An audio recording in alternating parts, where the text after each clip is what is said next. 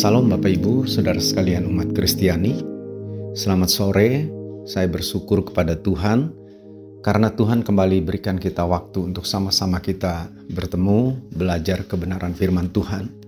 Harapan dan kerinduan saya biarlah waktu kurang lebih satu jam ini akan kita gunakan dengan maksimal, buka hati untuk sama-sama kita terima kebenaran firman. Minta kepada Tuhan supaya dia boleh memberikan kemampuan kepada kita, untuk kita dapat mengerti apa yang menjadi kehendak Tuhan. Itu sebabnya saudara saya ajak saudara berdoa, kita minta supaya Tuhan menolong kita. Bapa di surga terima kasih bahwa sore hari ini kembali kami diperkenan oleh Tuhan untuk bertemu lewat acara Mutiara Jiwa hari ini. Bersyukur kami kepada Tuhan karena acara ini akan memperlengkapi kami menjadi satu arena, menjadi satu kesempatan di mana kami boleh menerima kebenaran-kebenaran firman. Tolong kami Tuhan, biarlah kiranya saat ini hati kami boleh benar-benar siap. Kuduskan kami, ampuni dosa kami, layakan kami ya Tuhan untuk kami dapat menerima firman-Mu itu. Dan roh kudus menolong kami, bukan hanya sekedar kami menerima, tapi kami benar-benar berpegang, melakukannya di dalam kehidupan kami. Terima kasih Bapa, urapi hambamu yang tidak ada apa-apanya ini. Biar akhirnya engkau nyatakan segala apa yang kau ingin sampaikan. Tuhan bungkus dengan kuasa darahmu. Sehingga sepanjang pemberitaan firman ini, roh Allah bekerja di dalam setiap hati pendengar, meneguhkan setiap kata, setiap kebenaran firman-Mu.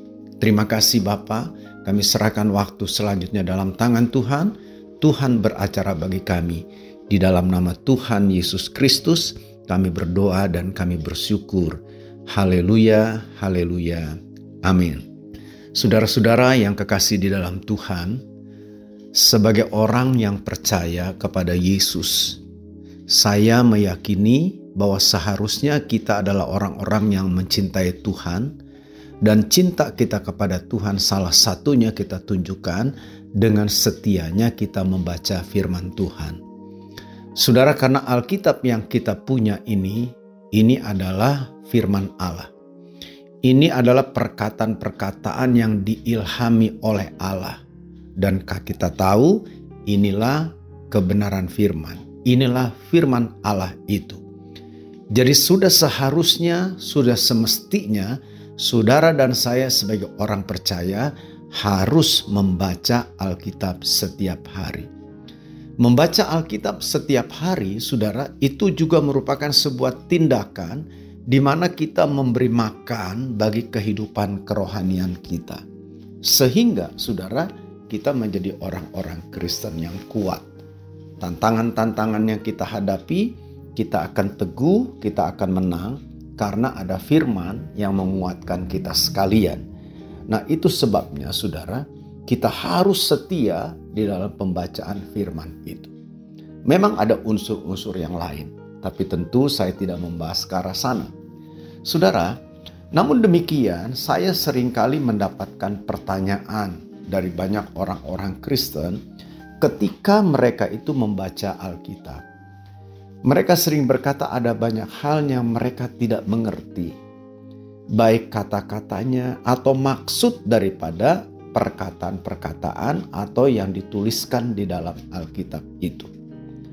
Bapak, ibu, saudara sekalian, ketika saya mendapatkan pertanyaan yang seperti itu, sering kali saya menangkap begini: orang menduga, saudara, bahwa Alkitab ini yang sudah diterjemahkan ke dalam bahasa Indonesia ini, saudara, sepertinya sesuatu yang penuh dengan misteri, penuh dengan rahasia di mana untuk kita memahaminya diperlukan adanya sebuah tindakan atau diperlukan ada sebuah kondisi tertentu. Kedengarannya betul tidak salah seperti itu. Tapi saudara-saudara, sering kali dalam obrolan saya dengan orang-orang yang bertanya ini, mereka seolah-olah berpikir saudara bahwa apa yang ada di dalam Alkitab ini itu hanya masalah-masalah yang terkait dengan kehidupan rohani, mempersiapkan diri untuk di sorga.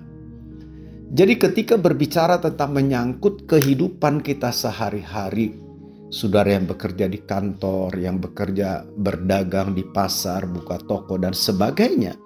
Seolah-olah itu nggak tersentuh oleh Alkitab itu. Nah, saudara-saudara, saya kira pemahaman yang seperti ini kurang tepat. Sebab Alkitab, saudara, dituliskan, diberikan kepada kita, kepada manusia. Yang artinya saya tahu Tuhan tidak memberikan teka-teki kan kepada kita. Tapi saudara dia memberikannya dalam bahasa yang bisa kita mengerti. Kita bersyukur Alkitab kita sudah ada dalam bahasa Indonesia, bahasa ibu kita. Kita bisa mengertinya. Nah, memang harus diakui. Kadang-kadang kita temui ada pernyataan-pernyataan yang sering kali memancing kita, merangsang kita untuk berpikir lebih keras. Apa ya ini maksudnya? Arah perkataan ini apa sih maksudnya? Umpama kalau Yesus berkata seperti ini, kira-kira sebetulnya apa sih maksudnya Tuhan berkata seperti itu? Dan itu kira-kira bagi saya, bagi kita yang hidup pada zaman ini, apa maksudnya? Nah, saudara-saudara, memang untuk memahami seperti itu, kita tidak bisa hanya sekedar membaca begitu saja. Itu sebabnya saya sering menganjurkan kalau kita baca Alkitab, jangan terburu-buru gitu sudah. Tapi coba perhatikan, saudara lihat apa nih yang sedang saudara baca. Umpama kisah Yesus menyembuhkan. Mungkin ada kalimat-kalimat yang menimbulkan pertanyaan. Bila perlu, saudara, ketika saudara baca Alkitab, ada buku, katakanlah di samping saudara ada alat tulis. Ketika saudara menemukan kalimat-kalimat yang memerlukan satu pemikiran yang lebih keras, saudara bisa catat di situ, saudara bisa catat di situ. Nah, jadi saudara-saudara, saya mengerti, saya bilang bahwa ada memang kalimat-kalimat yang sepertinya kita perlu perhatikan ini apa ya maksudnya. Nah, pada sore ini saya ingin ajak saudara coba untuk melihat bagaimana pernyataan dari Yesus. Saudara kita buka Injil Lukas pasal yang ke-14. Saya akan baca saudara mulai ayat 25. Coba saudara perhatikan ini kan perkataan Yesus. Dibilang begini. Pada suatu kali banyak orang berduyun-duyun mengikut Yesus dalam perjalanannya. Sambil berpaling, ia berkata kepada mereka, Jikalau seorang datang kepadaku dan ia tidak membenci bapaknya, ibunya, istrinya, anak-anaknya, saudara-saudaranya laki-laki atau perempuan, bahkan nyawanya sendiri, ia tidak dapat menjadi muridku. Barang siapa tidak memikul salibnya dan mengikut aku, ia tidak dapat menjadi muridku. Saudara, kalau saudara sudah menjadi orang Kristen yang cukup lama, aktif melayani, aktif di gereja, barangkali sudah mendengar uraian-uraian penjelasan-penjelasan dari ayat ini. Saudara, di dalam ayat ini kita temukan ada kalimat kata-kata yang mungkin untuk orang-orang biasa sedikit membingungkan dan menimbulkan pertanyaan. Saudara ayat 26, ini perkataan Tuhan Yesus Tuhan Yesus bilang begini, "Jikalau seorang datang kepadaku dan ia tidak membenci." Perhatikan ini, dia tidak membenci. Siapa yang dibencinya? Bapaknya, dibilang ibunya, istrinya, anak-anaknya, saudaranya laki-laki, saudaranya perempuan, bahkan dirinya sendiri, katanya, dia tidak layak, tidak dapat menjadi muridku. Nah, saudara-saudara, tentu pernyataan ini bisa menimbulkan kebingungan, bisa menimbulkan pertanyaan apa maksud Yesus.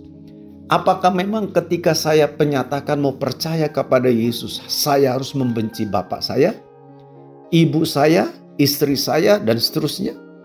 Apa seperti itu? Dan apa yang dimaksud sebetulnya dari kalimat yang Yesus kemukakan ini? Nah, Bapak Ibu, saudara sekalian, untuk kita coba memahaminya, saya ajak saudara sebenarnya untuk baca seluruhnya. Artinya lihat ayat selanjutnya sampai dengan bagian yang terakhir khususnya dalam perikop ini. Atau saudara mungkin bisa baca dari ayat-ayat sebelumnya. katakanlah minimal seluruh pasal 14 ayat 1 sampai ayat 6 di sana ada mujizat penyembuhan. Lalu ada pengajaran-pengajaran yang Yesus sampaikan. Nah, dengan kita membaca, kita melihat itu, kita mendapatkan sebuah gambaran situasi yang ada pada saat itu. Sampai akhirnya Yesus bicara seperti itu. Bahkan ayat yang kita lihat saudara dalam ayat 25 dibilang begini, pada suatu kali. Apa yang terjadi? Dibilang banyak orang berduyun-duyun mengikut Yesus dalam perjalanannya. Jadi saudara-saudara kalimat singkat ini memperjelas kepada kita situasi yang ada. Pada saat itu dibilang ada banyak orang. Tentu ini bukan hanya satu dua orang kalau dibilang banyak orang, pasti lebih dari 10 orang. Bisa jadi saudara itu 100 orang, bisa jadi lebih daripada itu. Ya tidak jelaskan ayat ini tidak menyatakan angka atau jumlah tertentu. Tapi kalau dibilang banyak orang berduyun-duyun, saudara bisa bayangkan ya, mengerti kalimat ini kan banyak orang berduyun-duyun. Tentu saudara menggambarkan situasi orang yang begitu banyak dan mereka dibilang berduyun-duyun karena mereka berjalan ingin mengikut Yesus. Nah, Bapak Ibu, Saudara sekalian, bukankah menjadi pengikut Yesus itu adalah sesuatu yang baik? Bukankah Tuhan sendiri yang memerintahkan kita untuk kita pergi menyampaikan kabar baik kepada sekalian bangsa supaya mereka menjadi pengikut, menjadi muridnya Yesus? Saudara-saudara, tetapi kita melihat kesan yang kita tangkap. Orang-orang ini kan begitu banyak mengikut Yesus. Maka dibilang begini saudara. Ketika Yesus lihat itu, maka sambil berpaling kepada mereka. Ya, jadi bayangkan mungkin Yesus ada jalan dengan murid-murid orang banyak ikut begitu saudara ya. Lalu mereka berhenti, Yesus berhenti, coba menoleh ke belakang, berpaling kepada mereka.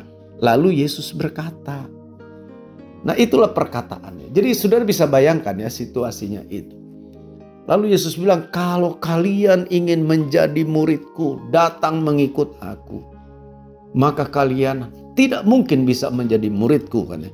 Kalau kalian tidak memiliki kebencian terhadap bapak, ibu, istri, dan seterusnya. Wah saudara-saudara, kalimat itu sebetulnya nggak pantas kalau kita pikir secara letterless. Bukankah harusnya Yesus bersyukur melihat orang banyak, saudara, berduyun-duyun mengikuti Dia?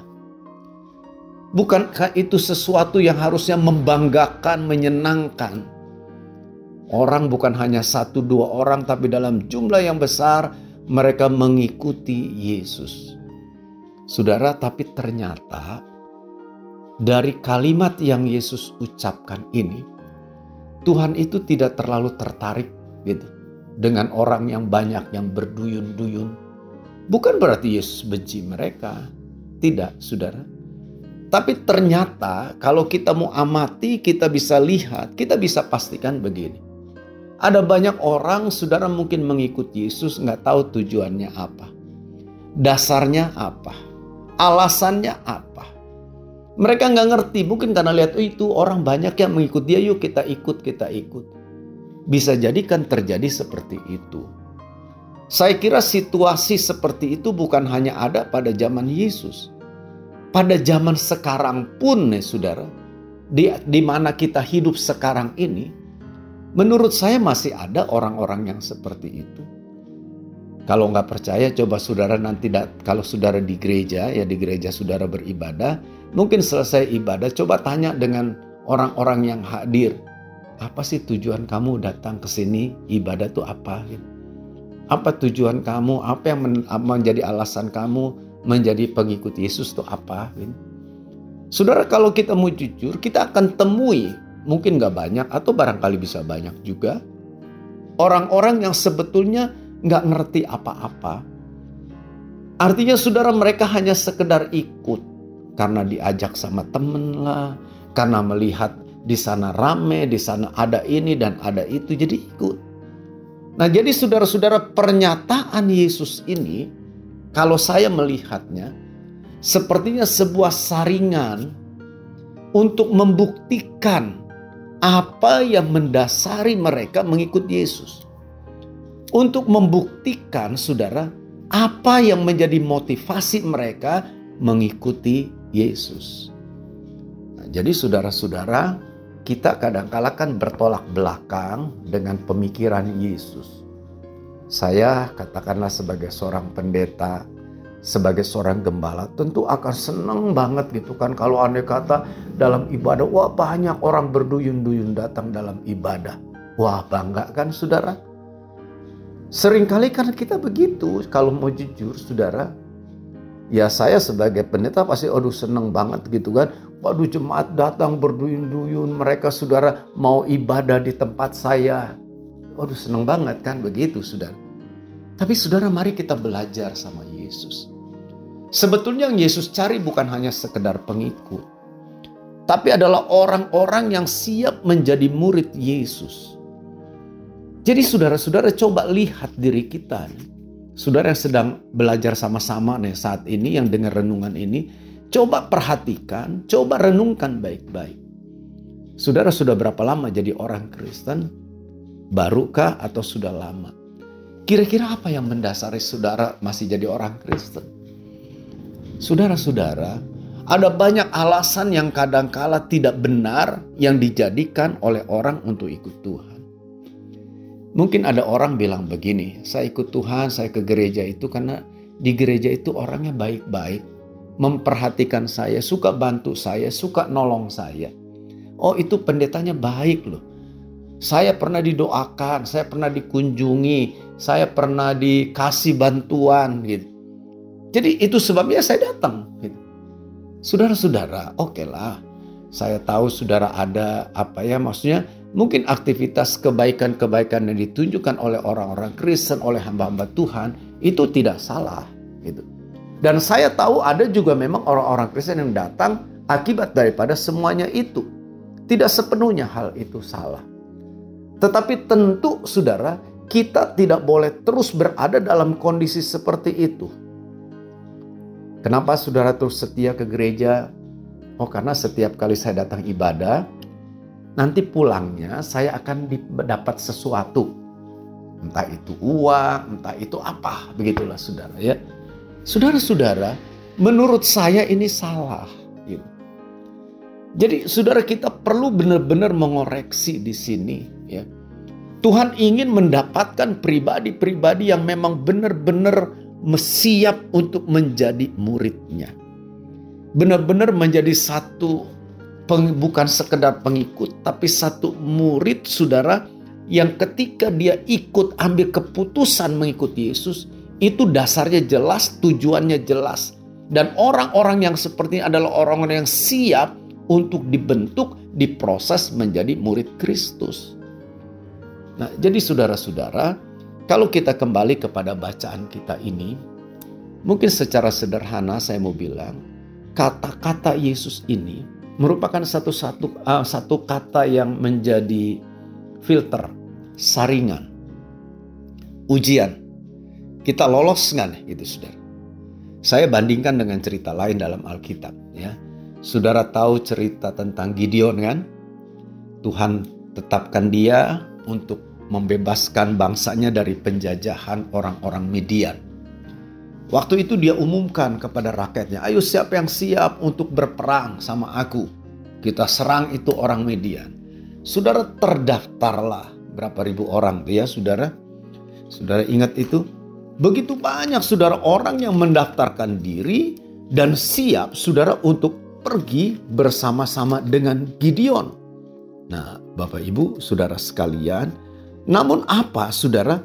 Ketika dilihat mereka semua itu, saudara orang-orang yang daftar, yang siap itu untuk berperang, ternyata Tuhan bilang itu kebanyakan. Saudara-saudara, kenapa seperti itu? Tuhan bilang sama Gideon kalau kita baca dalam Hakim-Hakim pasal yang ketujuh itu, saudara, di sana saudara orang-orang yang daftar itu begitu banyak luar biasa. Maka saudara melihat itu Tuhan suruh sama Gideon bilang begini. coba umumkan sama orang yang mau ikut perang ini. Kalau mereka itu takut, mereka gentar, ya sebetulnya hanya karena ikut-ikutan saja. Lihat semua orang kok mau pergi berperang, kalau nggak berperang kan nggak enak. Ya jadi ikut-ikutan, padahal sih takut begitu saudara. Nah Tuhan bilang, coba umumkan itu. Nanti lihat siapa di antara mereka. Lalu diumumkan sama Gideon, saudara. Dibilang siapa yang takut dan gentar, biarlah dia pulang. Gitu. Silakan turun dari gunungan Gilead ini. Saudara-saudara dicatat di dalam Alkitab dibilang ada 22 ribu orang dari rakyat itu sehingga tinggal 10 ribu. 22 tambah 10 berarti ada 32 ribu orang. Waduh saudara banyak sekali itu. Ternyata saudara-saudara mereka pulang. Berjumlah dikatakan 22 ribu pulang. Tinggal saudara 10 ribu. Lalu ada lagi saringan yang kedua. Tuhan bilang ini masih terlalu banyak nih. Kita perlu tes lagi mereka siap nggak gitu kan. Saudara Tuhan bilang suruh mereka sekarang turun ke sungai itu suruh mereka minum. Coba perhatikan dia bilang. Kamu Gedeon perhatikan siapa yang menghirup air itu dengan lidahnya seperti seekor anjing, pisahkan mereka kumpulkan tersendiri. Juga orang yang meng, apa, minum itu dengan cara mengambil dengan tangannya lalu dibawa ke mulutnya, pisahkan. Ternyata saudara-saudara, jumlah orang yang menghirup dengan membawa tangan ke mulutnya itu ada 300 orang. Berarti ada 9.700 orang yang minumnya seperti anjing, begitu saudara. Saudara-saudara, lalu Tuhan bilang begini, itu yang banyak yang 9.700 suruh pulang. Tapi dengan 300 orang itulah kamu pergi berperang melawan orang-orang Gibeon. Orang-orang Midian.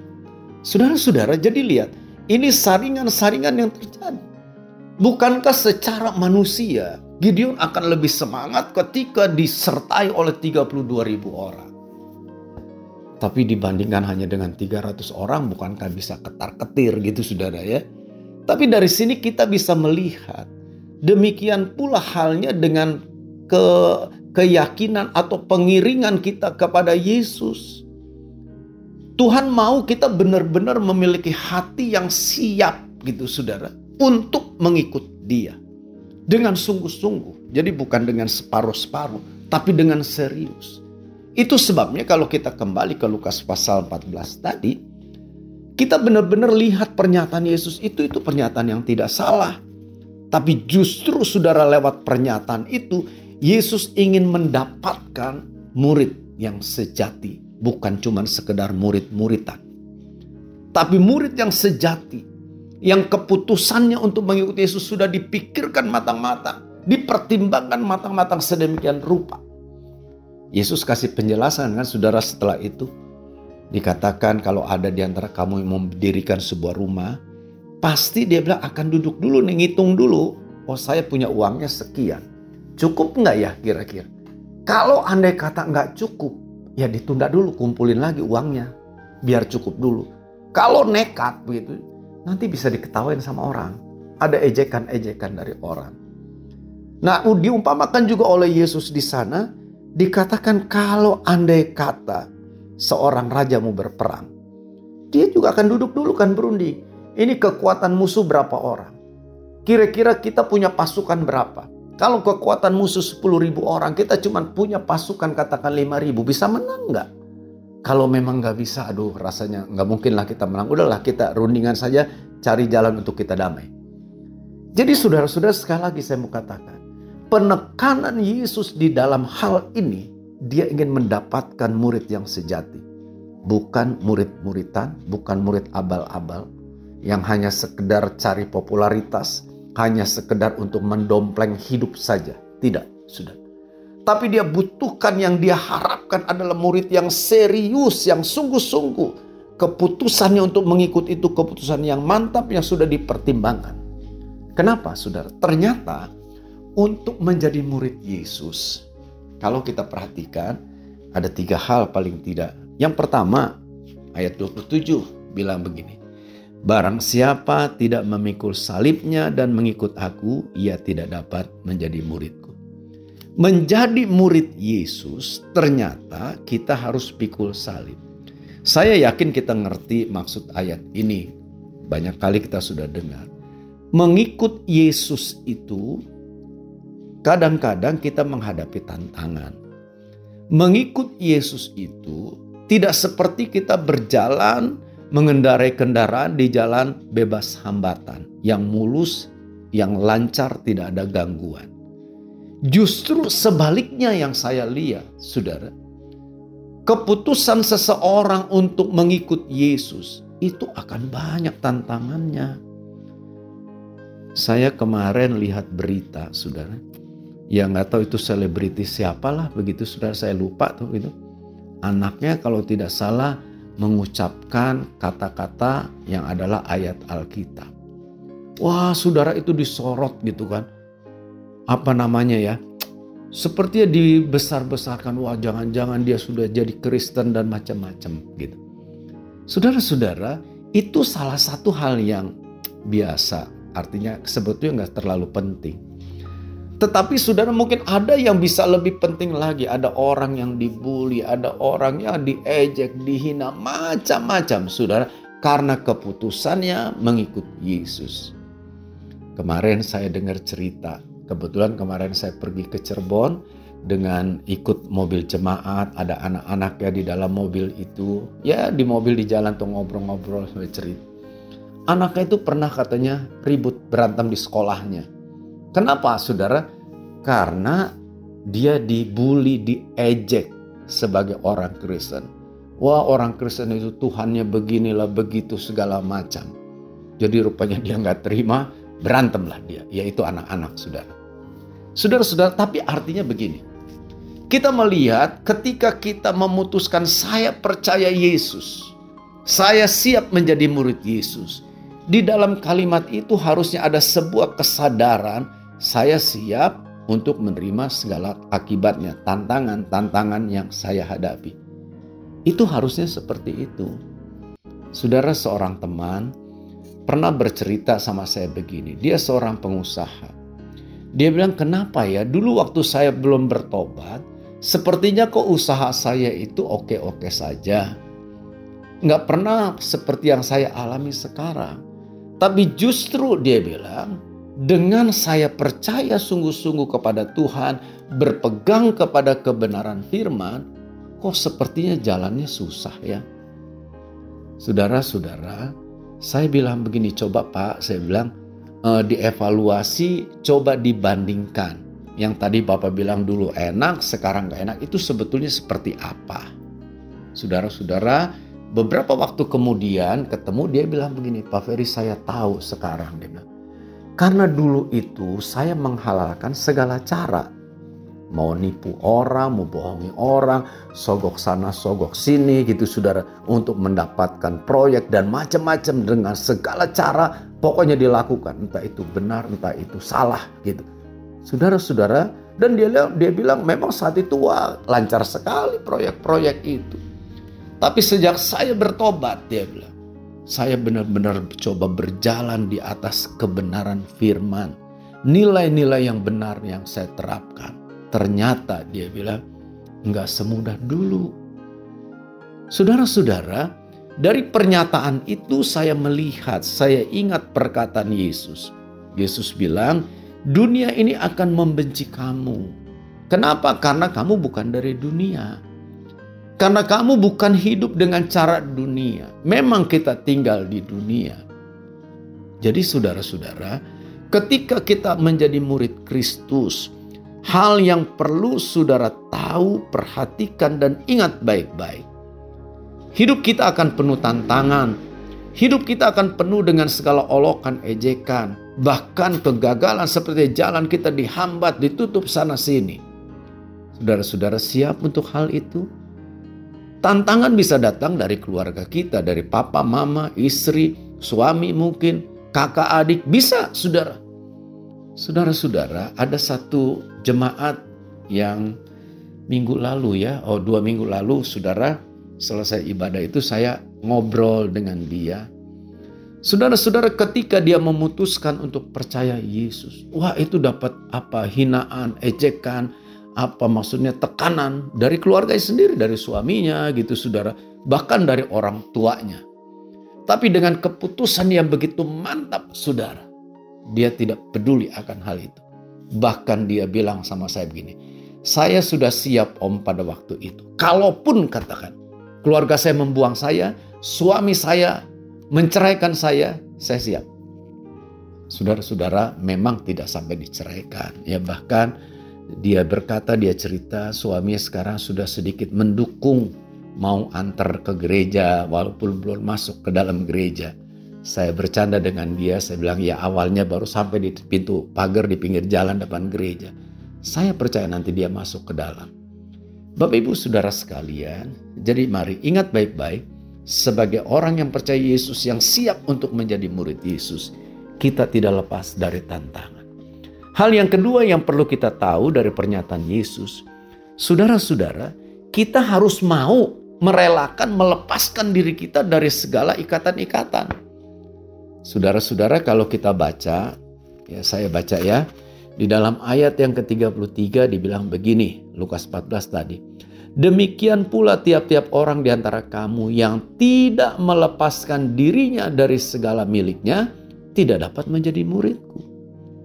Melepaskan diri dari miliknya. Saudara apa maksudnya? Saya punya mobil, saya punya rumah. Tapi saya sadar, saya tahu itu bukan punya saya. Itu melepaskan diri menurut pemahaman saya. Oh saya punya ini, saya punya itu. Saya sadar itu bukan punya saya itu milik Tuhan yang dipercayakan, dititipkan kepada saya dan saya diizinkan untuk menggunakannya, memakainya. Nah jadi Bapak Ibu Saudara sekalian, tidak boleh ada satu hal pun yang mengikat hidup kita. Kenapa? Karena sesungguhnya hidup kita sebagai pengikut Yesus ini Alkitab bilang bukan milik kita. Tapi milik dia yang sudah menebus kita, membebaskan kita, melepaskan kita dari ikatan-ikatan dosa itu. Jadi saudara-saudara ada banyak orang begitu terikat sekali gitu kan. Dengan hartanya, dengan pekerjaannya, dengan bisnisnya. Lupa sama Tuhan tuh saudara. Mengaku diri sebagai orang Kristen. Tapi datang ke gereja, datang doa, ibadah saja kepada Tuhan itu kalau ada waktu. Gitu. Kenapa? Wah sibuk. Toko saya terlalu ramai Wah sibuk pekerjaan saya begini. Wah saya harus pergi dengan teman. Saya harus naik sepeda. Jalan ke sana. Mancing macam-macam. Saya bilang itu bukan hal-hal yang salah. Apa mancing dosa? Enggak. Saudara, apa kita olahraga naik sepeda salah? Enggak. Tapi kalau itu sudah menjadi sesuatu yang membelenggu kita, ini yang jadi persoalan. Ingat, saudara, sekali lagi saya bilang, kita sudah dimerdekakan, kita sudah dilepaskan, ditebus oleh Yesus. Hidup kita bukan milik kita. Jadi tidak boleh lagi ada orang yang terikat. Coba renungkan, saudara. Yesus bilang kita harus melepaskan diri dari segala milik yang kita punya. Wah ini benar-benar apa ya? Serius nih saudara. Saya harus benar-benar merasa tidak ada apa-apanya Ya, saya harus benar-benar dengan tulus di hadapan Tuhan nggak punya apa-apa. Petrus dan Yohanes ketika diminta oleh pengemis di pintu gerbang indah itu. Dia bilang emas dan perak aku tidak punya. Benar, sudah. Inilah keberadaan kita sebenarnya. Kita nggak punya apa-apa. Yang ada pada kita semua milik Tuhan. Kita harus punya hati yang bebas, terlepas dari segala ikatan itu. Ini enak sebetulnya kalau seperti ini. Satu hari saudara ditipu sama orang, kita tidak akan jadi nggak bisa tidur. Kenapa? Karena bukan punya kita kok saudara. Kita hanya dititipkan, Tuhan percayakan itu. Jadi Bapak Ibu saudara sekalian, mari ingat. Jangan izinkan dirimu, hidupmu dibelenggu, diikat oleh apa pun juga. Hobi saudara, uang saudara, kesibukan pekerjaan saudara, macam-macam. Kita orang yang sudah dibebaskan, hiduplah bagi Kristus. Yang ketiga, yang terakhir yang mau saya sampaikan, di dalam ayat yang ke-34 dan 35, Yesus bicara tentang garam. Garam memang baik, tetapi jika garam juga menjadi tawar, dengan apa akan diasinkan? Tidak ada lagi gunanya. Artinya begini, sudah. Ketika kita memutuskan untuk menjadi murid Yesus, dia akan bentuk kita, dia proses kita supaya hidup kita ini jadi garam. Jadi garam dunia, jadi terang dunia. Jadi kita tidak hanya hidup bagi diri kita, kita tidak hanya hidup saudara untuk diri kita terfokus kepada diri kita, tidak. Tapi bagi orang lain. Kita diberkati untuk menjadi berkat. Kita dimuridkan untuk juga memuridkan orang lain. Nah, jadi saudara, inilah prinsip kehidupan kekristenan kita. Kalau andai kata Yesus hanya sekedar mencari pengikut, oh gampang, saudara. Ada banyak orang mau menjadi pengikut, apalagi Yesus pembuat mujizat, bisa kasih makan dan sebagainya. Tapi bukan itu yang Yesus cari. Yang Yesus cari adalah seorang murid. Seorang murid dia adalah seorang saudara yang benar-benar siap menghadapi segala resiko dan tantangan. Seorang murid dia adalah seorang yang benar-benar menyerahkan hidupnya sadar semua yang ada padanya termasuk hidupnya bukan miliknya tapi milik Kristus. Dan seorang murid adalah seorang yang hidupnya menjadi berkat, menjadi garam, menjadi terang bagi banyak orang. Tuhan Yesus berkati kita semua. Amin. Mari kita berdoa, saudara. Terima kasih buat kebenaran firman yang kami pelajari, kami terima sore ini. Biarlah firman ini tertanam, bertumbuh dan berbuah. Tuhan, biarlah keputusan kami menjadi muridmu adalah satu keputusan yang benar-benar kami sadari. Kami bersyukur sampai hari ini kami boleh tetap kuat bukan karena hebat kami, tapi karena anugerahmu. Biarlah kiranya tanganmu tetap memegang setiap kami untuk kami terus ada menjadi murid Kristus yang diproses dibentuk untuk menjadi terang, menjadi garam, menjadi berkat. Terima kasih Tuhan berkati seluruh pendengar sekalian di mana pun mereka berada biarlah kasih karunia Allah limpah atas mereka. Yang sakit dalam nama Yesus disembuhkan. Yang lemah dalam nama Yesus dikuatkan.